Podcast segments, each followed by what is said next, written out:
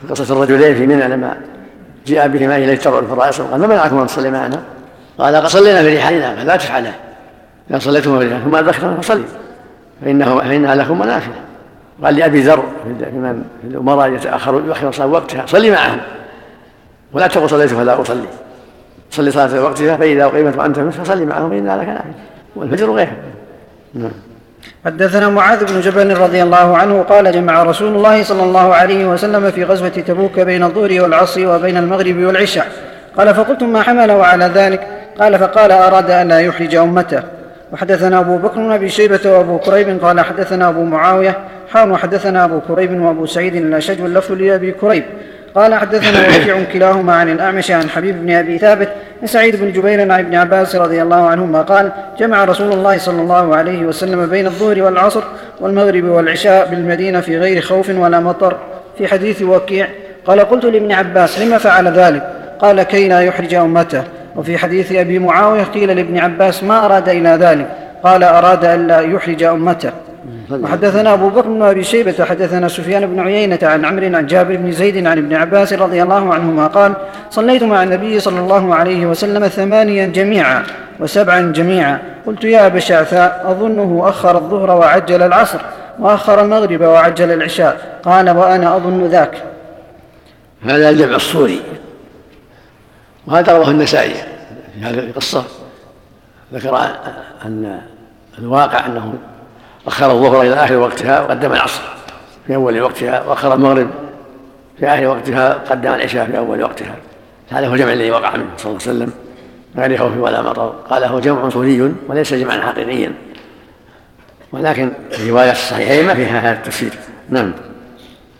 حدثنا أبو الربيع الزهراني حدثنا حماد بن زيد عن عمرو بن دينار عن جابر بن زيد عن ابن عباس رضي الله عنهما أن رسول الله صلى الله عليه وسلم صلى بالمدينة سبعا وثمانيا الظهر والعصر والمغرب والعشاء. وحدثني أبو الربيع الزهراني حدثنا حماد عن الزبير بن الخريت عن عبد الله بن شقيق قال خطبنا ابن عباس رضي الله عنهما يوما بعد العصر حتى غربت الشمس وبدت النجوم وجعل الناس يقولون الصلاة الصلاة. قال فجاءه رجل من بني تميم لا يفتر ولا ينثني الصلاة الصلاة. فقال ابن عباس أتعلمني بالسنة؟ لا أم لك. ثم قال رأيت رسول الله صلى الله عليه وسلم جمع بين الظهر والعصر والمغرب والعشاء. قال عبد الله بن شقيق فحاك في صدري من ذلك شيء فأتيت أبا هريرة فسألته فصدق مقالته. وهذا صريح هذه واقعة. صريحة بأنها أراد عند الحاجة والمصلحة يجمع لأنها استمر في الوعظ حتى ذهب بعض وقت المغرب. وهذا محمول كما تقدم على أنه اجتهاد منه رضي الله عنه وأرضاه أو أنه خفي عليه الناس. نعم.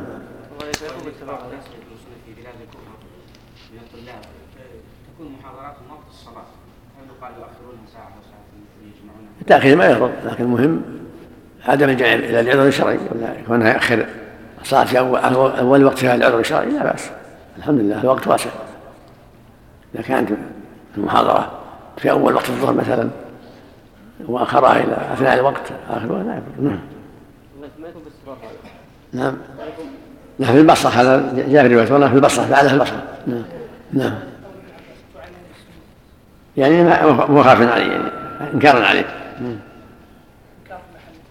على اجتهاد رضي الله هذا اجتهاد رضي الله عنه. نعم. وحدثنا ابن أبي عمر حدثنا وكيع حدثنا عمران بن حدير عن عبد الله بن شقيق العقيلي قال قال رجل لابن عباس رضي الله عنهما الصلاة. فسكت ثم قال الصلاة. فسكت ثم قال الصلاة. فسكت ثم قال لا أم لك. أتعلمون بالصلاة وكنا نجمع بين الصلاتين على عهد رسول الله صلى الله عليه وسلم. حدثنا أبو بكر بن أبي شيبة. حدثنا أبو معاوية ووكيع عن الأعمش عن عمارة عن الأسود عن عبد الله رضي الله عنه قال لا يجعلن أحدكم للشيطان من نفسه جزءا لا يرى إلا أن حقا عليه ألا ينصرف إلا عن يمينه. تكلم الشارع على نوع عندك هنا. نعم. مم.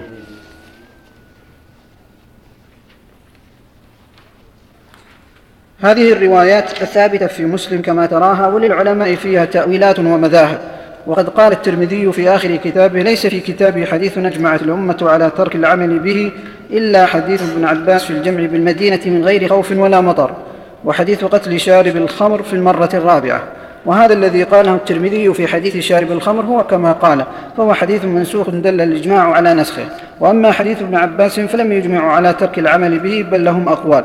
منهم من تأوله على أنه جمع بعذر المطر. وهذا مشهور عن جماعة من الكبار المتقدمين وهو ضعيف بالرواية الأخرى من غير خوف ولا مطر. ومنهم من تأوله على أنه كان في غيم فصلى الظهر ثم انكشف الغيم وبان أن وقت العصر دخل فصلاها وهذا أيضا باطل لأنه وإن كان فيه أدنى احتمال في الظهر في الظهر والعصر. وإن لأنه وإن كان فيه أدنى احتمال في الظهر والعصر العصر. في الظهر والعصر لا احتمال فيه في المغرب والعشاء. ومنهم من تأوله على تأخير الأولى إلى آخر وقتها فصلاها فيه. فلما فرغ منها دخلت الثانية فصلاها فصارت صلاته صورة جمع. وهذا أيضا ضعيف أو باطل لأنه مخالف للظاهر مخالفة لا لا تحتمل. تمام. لأنه مخالف للظاهر مخالفة لا تحتمل. نعم. وفعل ابن عباس الذي ذكرناه حين خطب وفعل ابن عباس الذي ذكرناه حين خطب واستدلاله بالحديث لتصويب فعله وتصديق أبي هريرة له وعدم إنكاره صريح في رد هذا التأويل. ومنهم من قال هو محمول على الجمع بعذر المرض أو نحوه مما هو في معناه من الأعذار. وهذا قول أحمد بن حنبل والقاضي حسين من أصحابنا واختاره الخطابي والمتولي والرويان من أصحابنا وهو المختار في تأويله لظاهر الحديث ولفعل ابن عباس وموافقة أبي هريرة ولأن المشقة فيه أشد من المطر. وذهب جماعة من الأئمة إلى جواز الجمع في الحضر للحاجة لمن لا يتخذه عادة. وهو قول ابن سيرين وأشهب من أصحاب مالك. وحكاه الخطابي عن القفال والشاشي الكبير من أصحاب الشافعي عن أبي إسحاق المروزي عن جماعة من أصحاب الحديث. واختار ابن المنذر ويؤيده ظاهر قول ابن عباس أراد أن لا يحرج أمته فلم يعلله بمرض ولا غيره والله أعلم. والخلاصة أن أقوال في هذا التأويل وآخرها أنه يجوز الحاجة. وهذا أقرب إلى قول ابن عباس كما اختاره. ابن سيرين والأشهب ابن المنذر ولكن الجمهور على خلاف الأئمة أربعة والجمهور على أنه منسوخ أو لعذر خشي على ابن عباس. نعم. الله أكبر يا شيخ حديث من الجمعة بين صلاتين من غير عذر لا هذا من كلام عمر. من كلام عمر. نعم. حدثنا أبو بكر بن أبي شيبة حدثنا أبو معاوية ووكيع عن الأعمش عن عمارة عن الأسود عن عبد الله رضي الله عنه قال لا يجعلن أحدكم للشيطان من نفسه جزءا لا يرى إلا أن حقا عليه ألا ينصرف إلا عن يمينه. أكثر ما رأيت رسول الله صلى الله عليه وسلم ينصرف عن شماله. حدثنا إسحاق بن إبراهيم يعني أخبرنا جرير. يعني إلى الناس. إذا سلم من الصلاة ترى ينصرف عن يمينه وصلى عن شماله ويعطيهم وجهه عليه الصلاة والسلام. لا حرج يمين وشمال نعم حدثنا إسحاق بن إبراهيم أخبرنا جرير وعيسى بن يونس حاون وحدثناه علي بن خشرم أخبرنا عيسى جميعا عن الأعمش بهذا الإسناد مثله. وحدثنا قتيبة بن سعيد حدثنا أبو معاونة عن السدي قال سألت أنسا كيف انصرف, كيف أنصرف إذا صليت عن يميني أو عن يساري؟ قال أما أنا فأكثر ما رأيت رسول الله صلى الله عليه وسلم ينصرف عن يمينه. حدثنا هذا قال سألت أنسا كيف أنصرف إذا صليت عن نعم. يميني أو عن يساري نعم. قال أما أنا فأكثر ما رأيت رسول الله صلى الله عليه وسلم ينصرف عن يمينه نعم. حدثنا أبو بكر بن أبي شيبة وزهير بن حرب قال حدثنا وكيع عن سفيان عن السدي عن أنس رضي الله عنه أن النبي صلى الله عليه وسلم كان ينصرف عن يمينه وحدثنا أبو كريب أخبرنا ابن أبي زائدة عن مسعر عن ثابت بن عبيد عن ابن البراء عن البراء رضي الله عنه قال كنا إذا صلينا خلف رسول الله صلى الله عليه وسلم أحببنا أن نكون عن يمينه يقبل علينا بوجهه. قال فسمعته يقول رب قني عذابك يوم تبعث أو تجمع عبادك. وحدثناه أبو كريب وهذا يبين أن الأكثر عن يمينه. ولا منافاة بين ما قاله ابن مسعود وبين ما قاله البراء وأنس. هذا واقع وهذا واقع. كل أخبر بما حاجة نعم. بعد السلام بعد السلام بعد الاستغفار اللهم أنت السلام نعم. اللهم قيني عذابك يوم تبعث عبادك نعم. وتجمع عبادك. نعم. عند الانصراف يعني عند الانصراف نعم. ثم يستقيم. مقابل الناس نعم. وحدثناه أبو كريب وزهير بن حرب قال حدثنا وكيع عن مسعر بهذا الإسناد ولم يذكر يقبل علينا بوجهه.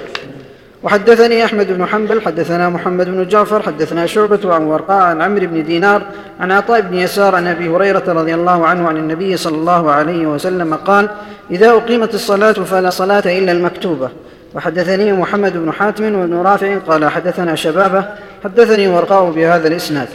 وحدثني يحيى بن حبيب الحارثي حدثنا روح حدثنا زكريا بن إسحاق حدثنا عمرو بن دينار قال سمعت عطاء بن يسار يقول عن أبي هريرة رضي الله عنه عن النبي صلى الله عليه وسلم أنه قال إذا أقيمت الصلاة فلا صلاة إلا المكتوبة.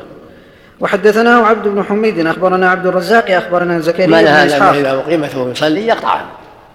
يصلي نافلة حيث المسجد أو راتبة يقطعها. هذا الحديث الصحيح إذا أقيمت الصلاة فلا صلاة إلا المكتوبة.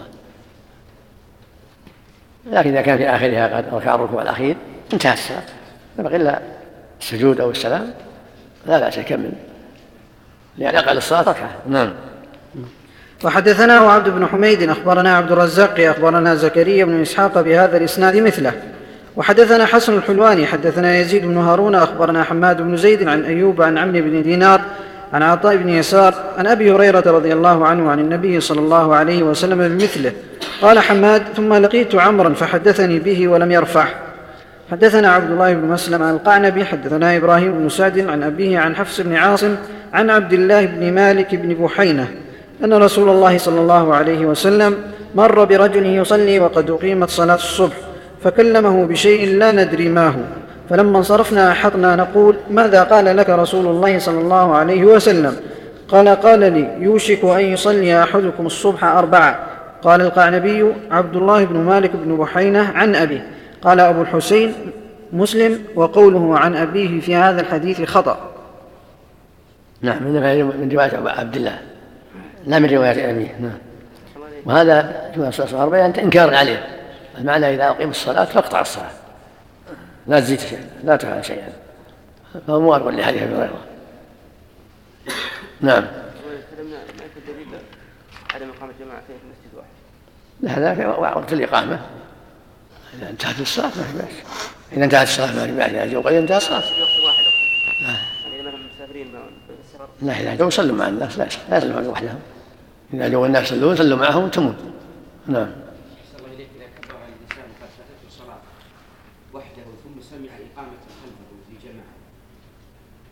الأفضل يقطعها حتى يصلي مع الجماعة. الأفضل يقطعها الصلاة مع الجماعة أو لا. قد قد يجب أيضا. وجوب لأن الجماعة واجبة وقد تيسرت. نعم. لو كانت فريضة. نعم. يصلي فريضة أنه فريضة. قد يفوت شيء. قطعها أسرع قطعها أسرع.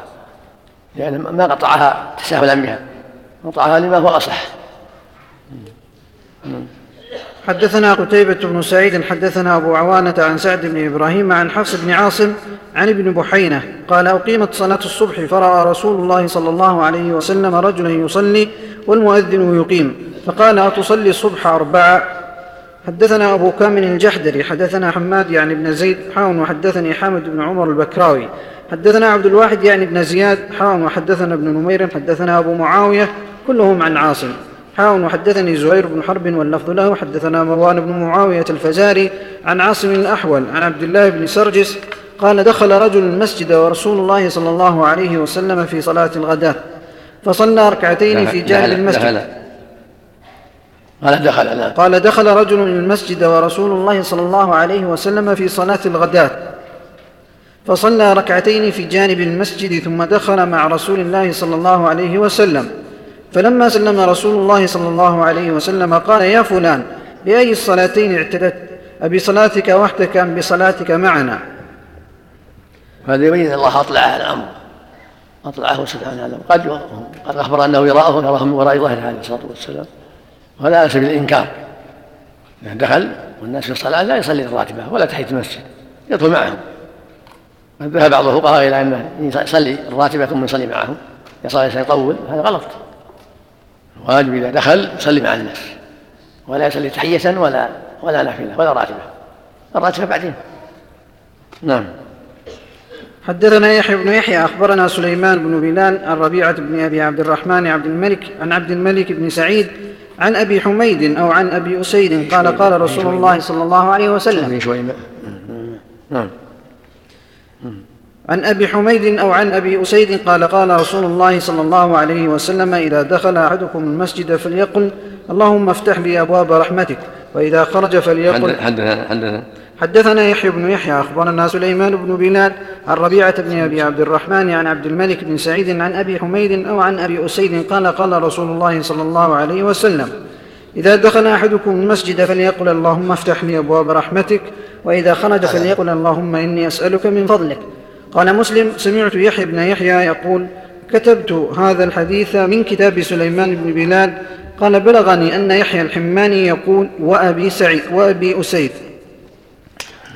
يروى بالشك ويروى بالواو عن ابي حميد وأبي سعيد يروى بالشك أو في رواية أخرى فليسلم على رسول الله وليقول اللهم افتح لي رحمتك وعند الخروج وليسلم على رسول الله وليقول وليقول اللهم إني أسألك من فضلك.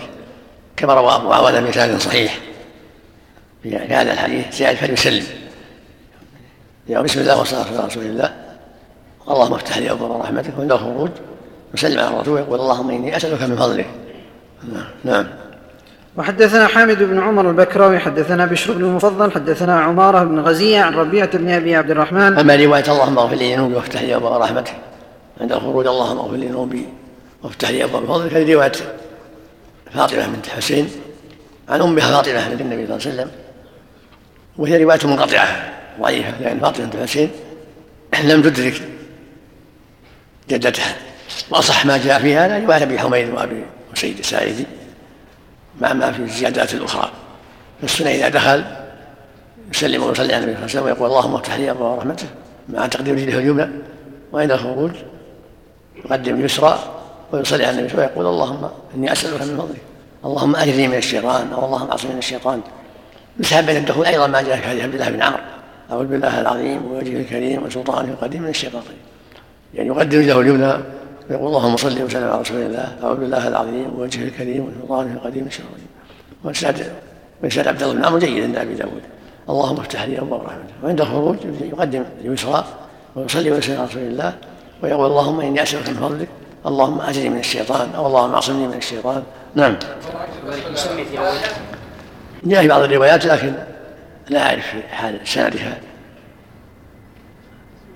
أما أكثر الصلاة والسلام على النبي صلى الله عليه وسلم عند الدخول والخروج هذا ثبت من رواية أبي عوانة ورواية أخرى أيضا من النسائي وغيره. نعم. نعم. نعم. يمكن. نعم. وحدثنا حامد بن عمر البكراوي حدثنا بشر بن المفضل حدثنا عمار بن غزية عن ربيعة بن أبي عبد الرحمن عن عبد الملك بن سعيد بن سويد الأنصاري عن أبي حميد أو عن أبي أسيد عن النبي صلى الله عليه وسلم بمثله. حدثنا عبد الله بن مسلم بن قعنب وقتيبة بن سعيد قال حدثنا مالك حاون وحدثنا يحيى بن يحيى قال قرأت على مالك عن عامر بن عبد الله بن زبير عن عمرو بن سليم الزرقي عن أبي قتادة رضي الله عنه أن رسول الله صلى الله عليه وسلم. قال إذا دخل أحدكم المسجد فليركع ركعتين قبل أن يجلس. حدثنا أبو بكر بن أبي شيبة حدثنا حسين بن علي عن زائدة قال حدثني عمرو بن يحيى الأنصاري حدثني محمد بن يحيى بن حبان عن عمرو بن سليمان بن خلدة الأنصاري عن أبي قتادة رضي الله عنه صاحب رسول الله صلى الله عليه وسلم قال دخلت المسجد ورسول الله صلى الله عليه وسلم جالس بين ظهراني الناس. قال فجلست فجلست فقال رسول الله صلى الله عليه وسلم ما منعك أن تركع ركعتين قبل أن تجلس؟ قال فقلت يا رسول الله رأيتك جالسا والناس جلوس. قال فإذا دخل أحدكم المسجد فلا يجلس حتى يركع ركعتين. السند حدثنا أبو بكر بن أبي شيبة حدثنا حسين بن علي عن زائدة قال حدثني عمرو بن يحيى الأنصاري. حدثني محمد بن يحيى بن حبان عن عمرو بن سليمان عن عمرو بن سليم بن خلدة الأنصاري عن أبي قتادة رضي الله عنه صاحب رسول الله صلى الله عليه وسلم قال دخلت المسجد ورسول الله صلى الله عليه وسلم جالس بين ظهراني الناس قال فجلست فقال رسول الله صلى الله عليه وسلم ما منعك أن تركع ركعتين قبل أن تجلس؟ قال فقلت يا رسول الله رأيتك جالسا والناس جلوس. قال فإذا دخل أحدكم المسجد فلا, فلا يجلس حتى يركع ركعتين. اللهم صل عليه وسلم اللهم صل عليه وسلم. نعم. حدثنا أحمد بن جواس نعم. ما يقتضي هذا وجوبها؟ العلماء استدلوا على السنية بحديث فلا غيرها قال إلا أن تطوع. هذا على سبيل السنة المؤكدة. ولا فالأصل أو في الأمر الوجوب الأصل في الأوامر الوجوب هو الأصل. قد يقال بوجوبها تخصيصا. فالمؤمن ينبغي له أن يتحرى السنة ويحرص عليها ولا يتساهل بدعوى النافلة. ينبغي المسلم يكون عنده همة عاليه في تحقيق السنن حتى ولو كانت غير واجبة. تأسيا بالنبي صلى الله عليه وسلم وحرصا على أداء ما شرع وما رغب فيه عليه الصلاة والسلام. إذا كان على طهارة أما إذا كان على غير طهارة معلوم. نعم. شيخ حفظك الله. عودا على ما ذكر من المنفرد يقطع صلاته ويدخل في الجماعة. نعم. في سؤال سابق لو كبر رجل منفرد ثم راى جماعة فإنه يقطع صلاته نعم يصلي معهم هذا هو. شاهد يا شيخ إن بعض الأحيان إذا كان المسجد واسع يكون هناك جماعتين جماعة تصلي في جهة وجماعة تصلي أخرى يعني معناه هناك جماعتين في جماعة تصلي لوحده ما الحكم في هذه؟ صلي مع الأكثر صلي مع الأكثر. إذا صلي مع إحداهما وإذا عرف الأكثر صلي مع الأكثر. أو إذا صلي مع الأكثر والحمد لله. نعم نعم. أو مع إحداهما إحدى الجماعتين إذا لكن يجوز ان يكون هناك جماعتين قد يقع من غير قد يقع هذا وقد يقع هذا. إذا تيسر اجتماعهما فهو مطلوب. قد يقع هذا وقد يقع هذا من غير قصد. نعم. حدثنا أحمد بن الجواس الحنفي أبو عاصم حدثنا عبيد الله الأشجعي عن عن سفيان عن محارب بن دثار عن جابر بن عبد الله رضي الله عنهما قال كان لي على النبي صلى الله عليه وسلم دين فقضاني وزادني ودخلت عليه المسجد فقال لي صل ركعتين حدثنا عبيد الله بن معاذ حدثنا أبي حدثنا شعبة عن محارب سمع جابر بن عبد الله رضي الله عنهما يقول اشترى مني رسول الله صلى الله عليه وسلم بعيرا فلما قدم المدينة أمرني أن آتي المسجد فأصلي ركعتين. وحدثني محمد بن مثنى حدثنا عبد الوهاب يعني الثقفي حدثنا عبيد الله عن وهب بن كيسان عن جابر بن عبد الله رضي الله عنهما قال خرجت مع رسول الله صلى الله عليه وسلم في غزاة فأبطأ بي جملي وأعيا ثم قدم رسول الله صلى الله عليه وسلم قبلي وقدمت بالغداة. فجئت المسجد فوجدته على باب المسجد. قال الآن حين قدمت؟ قلت نعم. قال فدع جملك وادخل فصل ركعتين. قال فدخلت فصليت ثم رجعت. حدثنا وهذا بن فيه. سنية ركعتين عند قدوم. يستحب أن يصلي ركعتين عند قدوم. في المسجد كان النبي يبدأ بالمسجد فيصلي ركعتين إذا قدم في قصة جابر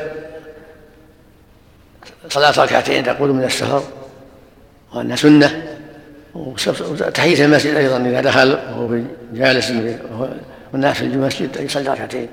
كل هذا سنة. حديث أبي قتادة وحديث جابر فإن النبي صلى الله عليه وسلم كان إذا قدم من سفر بدأ بالمسجد فصلى في ركعتين ثم جلس للناس. وحديث جابر هنا لما جاء لقبض من البعير. يدل على أن السنة أن يدخل يصلي بس ركعتين. نعم. السلام عليكم. وزاد زياده زاد في ثمن يعني. زاد نعم. هذا ثمن البعير يعني. هذا من كرامة عليه حسن خلقه. وأن أعطاه الثمن وزاده رجح له. نعم. حدثنا محمد بن مثنى حدثنا الضحاك يعني بن عاصم. الدين اللي عندك له 100 يوم جاءت توفيق قلت أعطيتها 100 واجرها جزاك الله خير. امهلتني وانظرتني هذه 100 وهذه عشرة مني زيادة أو 20 زيادة. زاد لك على معروفك. إن خير الناس أحسنهم قضاء. صلى الله نعم. ها لا لا تشرط تقول بالله نعم؟ نعم مع الشرط يبقى. لكن إذا من عند نفسه من دون شرط احسن حاون وحدثني محمود بن غيلان حدثنا عبد الرزاق قال جميعا أخبرنا ابن جريج أخبرني ابن شهاب أن عبد الرحمن بن عبد الله بن كعب أخبره عن أبيه عبد الله بن كعب وعن عمه عبيد الله بن كعب عن كعب بن مالك رضي الله عنه أن رسول الله صلى الله عليه وسلم نفع حد كعب نعم. هذا افضل نعم.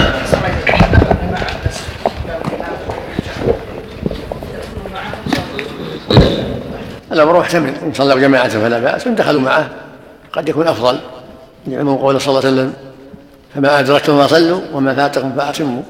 فما أدركتم فصلوا يشمل الركعة الأخيرة والتشهد ويحتمل أنها اراد يصلوا يعني الركعة الأخيرة لأن الصلاة لا إلا الركعه فإذا صلوا وحدهم فلا وان ادرك صلوا معه إن شاء الله. فلا حرج. نعم. نعم لا المقطوعة لا. نعم. أسرع. وإن سلم فلا بأس لكن إذا قطعها ما تمت حتى يسلم منها. نعم. ينوي ينوي ينوي قطعها بالنية. قيل انهم يصلون وحدهم هل ينتظرون إلى ان يسلموا الامام الظاهر لا ما له حرج لأن انتهت الصلاة. لا تبقى إلا ركعة. حدثنا محمد بن المثنى حدثنا الضحاك يعني يعني ابن عاصم. قال وحدثني محمود بن غيلان حدثنا عبد الرزاق. قال جميعا أخبرنا ابن جريج. أخبرني ابن شهاب أن عبد الرحمن بن عبد الله بن كعب أخبره عن أبيه عبد الله بن كعب وعن عمه عبيد الله بن كعب عن كعب بن مالك رضي الله عنه. أن رسول الله صلى الله عليه وسلم كان لا يقدم من سفر إلا نهارا في الضحى فإذا قدم بدأ بالمسجد فصلى فيه ركعتين ثم جلس فيه. هذا هو الغالب. الغالب انه يقدم ضحى ثم يقصد المسجد ويصلي ركعتين ثم يجلس للناس. السلام عليه عليه الصلاة والسلام. هذا هو الغالب. وربما قدم اخر النهار فيقول لهم انفذوا حتى تدخلوا ليلا يعني عشاء لكي تمسير الشايله وتستعد المغيبه كما في الصحيحين أيضا. وهذا في بعض الأحيان. نعم. وحدثنا يحيى بن يحيى أخبرنا يزيد بن زريع عن سعيد بن جرير عن عبد الله بن شقيق. قال قلت لعائشة رضي الله عنها هل كان النبي صلى الله عليه وسلم يصلي الضحى؟ قالت لا إلا أن يجيء من مغيبه. وحدثنا عبيد الله بن معاذ حدثنا أبي حدثنا كهمس بن الحسن القيسي. عن عبد الله بن شقيق قال قلت لعائشة رضي الله عنها كان النبي صلى الله عليه وسلم يصلي الضحى. قالت لا إلا أن يجيء من مغيبه. حدثنا يحيى بن يحيى قال يعني اذا قدم قدم الضحى صلى ركعتين كما تقدم. صلاة تكون صلاة الضحى صلاة قدوم ولكن هذا شيء نسيته رضي الله عنها ولهذا في الحديث الآخر عنها. كان يصلي يصلي الضحى اربعا ويزيد ما شاء الله. كأنها في آخر حياته نسيت ذلك. فقد ثبت عنه أنه كان يصلي الضحى عليه الصلاة والسلام.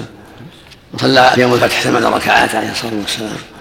واوصى ابا الدرداء وأبا هريرة في صلاة الضحى وقال في صلاة الضحى على كل سنه من الناس صدقه لكل كل تسبيحه الصدقة كل تحيه الصدقة تكبير الصدقة تحميد الصدقة كل أمر بالمعروف صدقة وأمر ونهي عن صدقة. قال ويجزي من ذلك ركعتان تركعهما من الضحى رواه مسلم. صلاة الضحى من آكد العبادات ومن أفضل العبادات. والنبي صلى الله عليه وسلم قد يتركها بعض الأحيان لئلا يشق على أمته عليه الصلاة والسلام. اللهم صل على نعم. سنة سنة. نعم. حدثنا يحيى بن يحيى قال قرات على مالك عن ابن شهاب عن عروة عن عائشة رضي الله عنها أنها قالت ما رأيت رسول الله صلى الله عليه وسلم يصلي سبحه الضحى قط وإني لأسبحها. وإن كان رسول الله صلى الله عليه وسلم ليدع العمل وهو يحب أن يعمل به خشية أن يعمل به الناس فيفرض عليهم. نعم يعني أن قد يدع العمل يحبه خشية أن يفرض خشية أن يشق على الناس عليه الصلاة والسلام.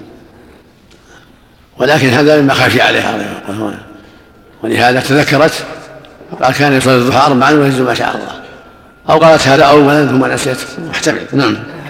حدثنا شيبان بن فروخ حدثنا عبد الوارث حدثنا يزيد يعني الرشك. حدثتني معاذة أنها سألت عائشة رضي الله عنها كم كان رسول الله صلى الله عليه وسلم يصلي صلاة الضحى؟ قالت أربع ركعات ويزيد ما شاء. حدثنا ما شاء ما شاء الله. فقط ما شاء. المسألة الأخرى نعم. حدثنا محمد بن مثنى وابن بشار قال حدثنا محمد بن جعفر حدثنا شعبة عن يزيد بهذا الإسناد مثله وقال يزيد ما شاء الله. نعم نعم. وحدثني يحيى بن حبيب الحارثي حدثنا خالد بن الحارث عن سعيد حدثنا قتادة أن معاذة العدوية حدثتهم عن عائشة رضي الله عنها قالت كان رسول الله صلى الله عليه وسلم يصلي الضحى أربعا ويزيد ما شاء الله. وهذا محمول على أنها نسيت هذا فقالت ما كان يصلي إلا المغيب. ويحتمل أنها قالت هذا بعد ذلك تذكرت فأخبرت معاذة بهذا.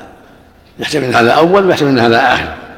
إن كان أول فنسيته وإن كان أخيرا تذكرته نعم. الله ما يكون قصدها أنه يصلي أربعا إذا قدم من سفر؟ لا لا قدم من سفر صلى ركعتين محفوظ الصحيحين كان كان يصلي الضحى هو عند قدوم يصلي الضحى. نعم. حدثنا إسحاق بن إبراهيم وابن بشار جميعا عن معاذ بن هشام قال حدثني أبي عن قتادة بهذا الإسناد مثله. وحدثنا محمد بن المثنى وابن بشار قال حدثنا محمد بن جعفر حدثنا شعبة عن عمرو بن مرة عن عبد الرحمن بن أبي ليلى قال ما أخبرني أحد أنه رأى النبي صلى الله عليه وسلم يصلي الضحى إلا أم هانئ فإنها حدثت أن النبي صلى الله عليه وسلم دخل بيتها يوم فتح مكة فصلى ثماني ركعات ما رأيته صلى صلاة قط أخف منها غير أنه كان يتم الركوع والسجود ولم يذكر ابن بشار في حديثه قوله قط. وحدثني حرملة بن يحيى ومحمد بن سلمة المرادي. قال أخبرنا عبد الله بن وهب أخبرني يونس عن ابن شهاب. قال حدثني ابن عبد الله بن الحارث أن أباه عبد الله بن الحارث بن نوفل قال سألته وحرصت على أن أجد أحدا من الناس يخبرني أن رسول الله صلى الله عليه وسلم سبح سبحة الضحى فلم أجد أحدا يحدثني ذلك. غير أن أم هانئ بنت أبي طالب أخبرتني أن رسول الله صلى الله عليه وسلم أتى بعدما ارتفع النهار يوم الفتح فأتي بثوب فستر عليه فاغتسل ثم قام فركع ثماني ركعات. لا أدري أقيامه فيها أطول أم ركوعه أم سجوده. كل ذلك منه متقارب. قالت فلم أره سبحها قبل ولا بعد. قال المرادي عن يونس ولم يقل أخبرني.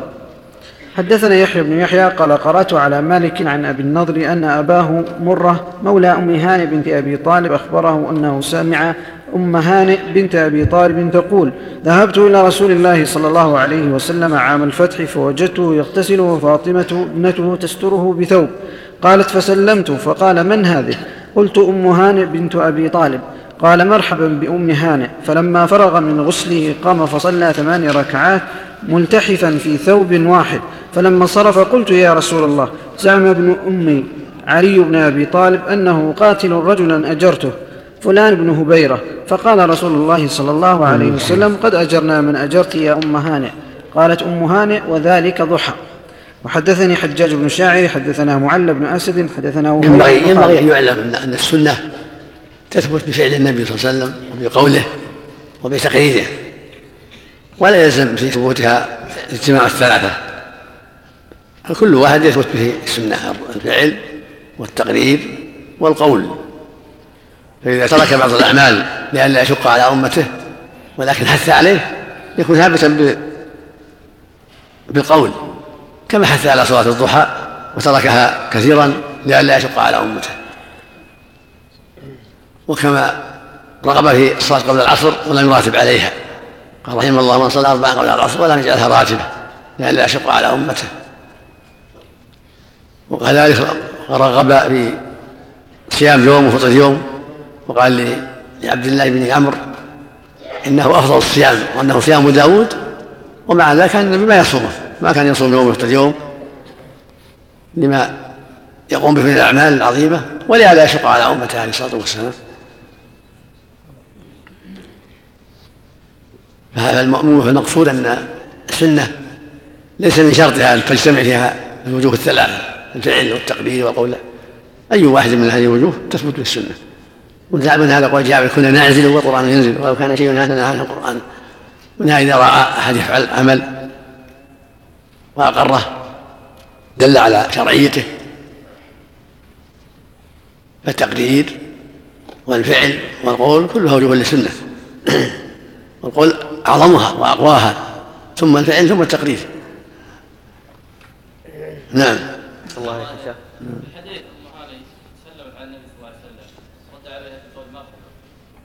يعني بعد قوله وعليكم السلام يعني لأن توريك لأنه معروف يعني. لأن توريك وعليكم السلام معروف لكن زادها خيرا. زادها قوله مرحبا. لأنه أول من يمتثل قوله تعالى وإذا حييتم تحية فحيوا بأحسن منها أو ردوها مرحبا ليس ردا لها. قال السلام عليكم. يقول وعليكم السلام. هذا ردها. فإن زاده قال ورحمة الله وبركاته. هذا خير إلى خير. هذا محمول على أنه رد عليها ثم قال مرحبا. نعم. الله عليك نعم. المرأة تجي ذمة المسلمة واحدة. صلى الله عليه وسلم ذمة المسلمة واحدة. يسعى بها أدناهم. قال أجرنا من أجرت لو لو أجرت إنسان دخل بحاجة لا يجوز تعرض له حتى يرد إلى مأمنة. ولو أنه من امرأة أو عبد مريض رقيق. نعم. الله عليك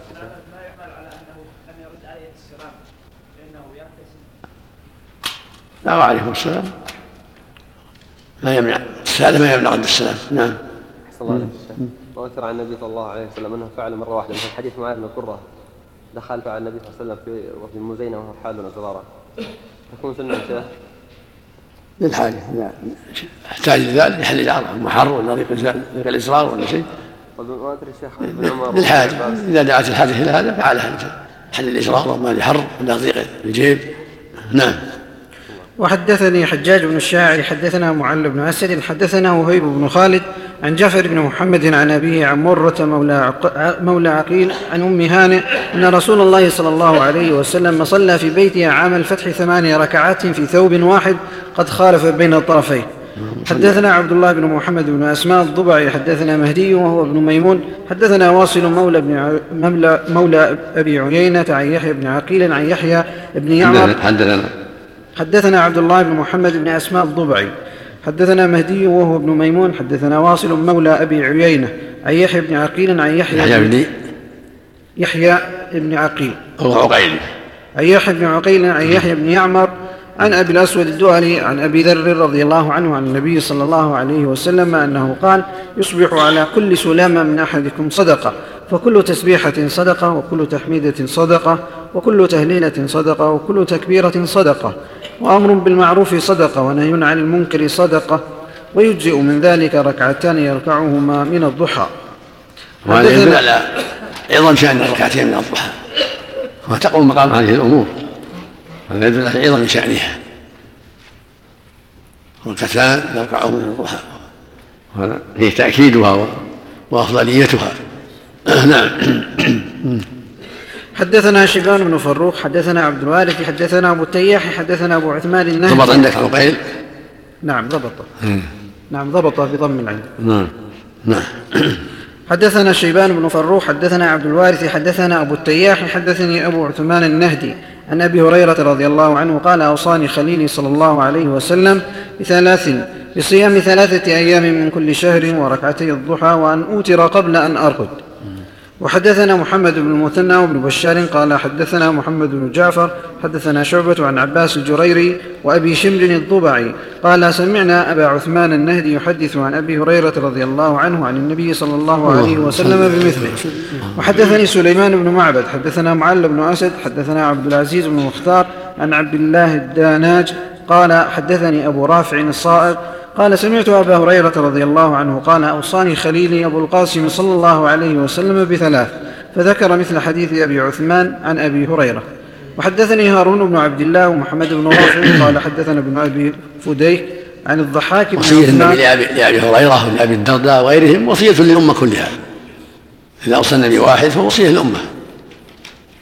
لأنه مبعوث لها كلها. هذا فيه الحث على صيام ثلاثة من كل شهر. والوتر قبل النوم وركعتي الضحى. لكن جاءت الآية الأخرى تدل على أن الوتر في آخر الليل أفضل إذا تيسر. وأوصى أبا هريرة وأبا الدرداء بالوتر قبل النوم لأنهما قد يشق عليه القيام في آخر الليل لدرس الحديث أو لأسباب أخرى. فإذا تيسر آخر الليل فهو أفضل. ولهذا يأتي في حديث جابر يقول صلى الله عليه وسلم من خاف ألا يقوم آخر الليل فليوتر أوله ومن طمع أن يقوم آخر الليل فليوتر آخر الليل. فإن صلاة آخر الليل مشهودة فذلك أفضل. والنبي صلى الله عليه وسلم كان يوتر في أول الليل ثم أوتر في وسط الليل ثم أوتر في آخر الليل واستقر وتره في آخر الليل عليه الصلاة والسلام. ولأن ذلك يوافق التنزل الإلهي الثلث الأخير فكان أفضل إذا تيسر. نعم. وحدثني هارون بن عبد الله ومحمد بن رافع قال حدثنا ابن أبي فديك عن الضحاك بن عثمان عن إبراهيم بن عبد الله بن حنين عن أبي مرة مولى أم هانئ عن أبي الدرداء رضي الله عنه قال أوصاني حبيبي صلى الله عليه وسلم بثلاث لن أدعهن ما عشت بصيام ثلاثة أيام من كل شهر وصلاة الضحى وبألا أنام حتى أوتر.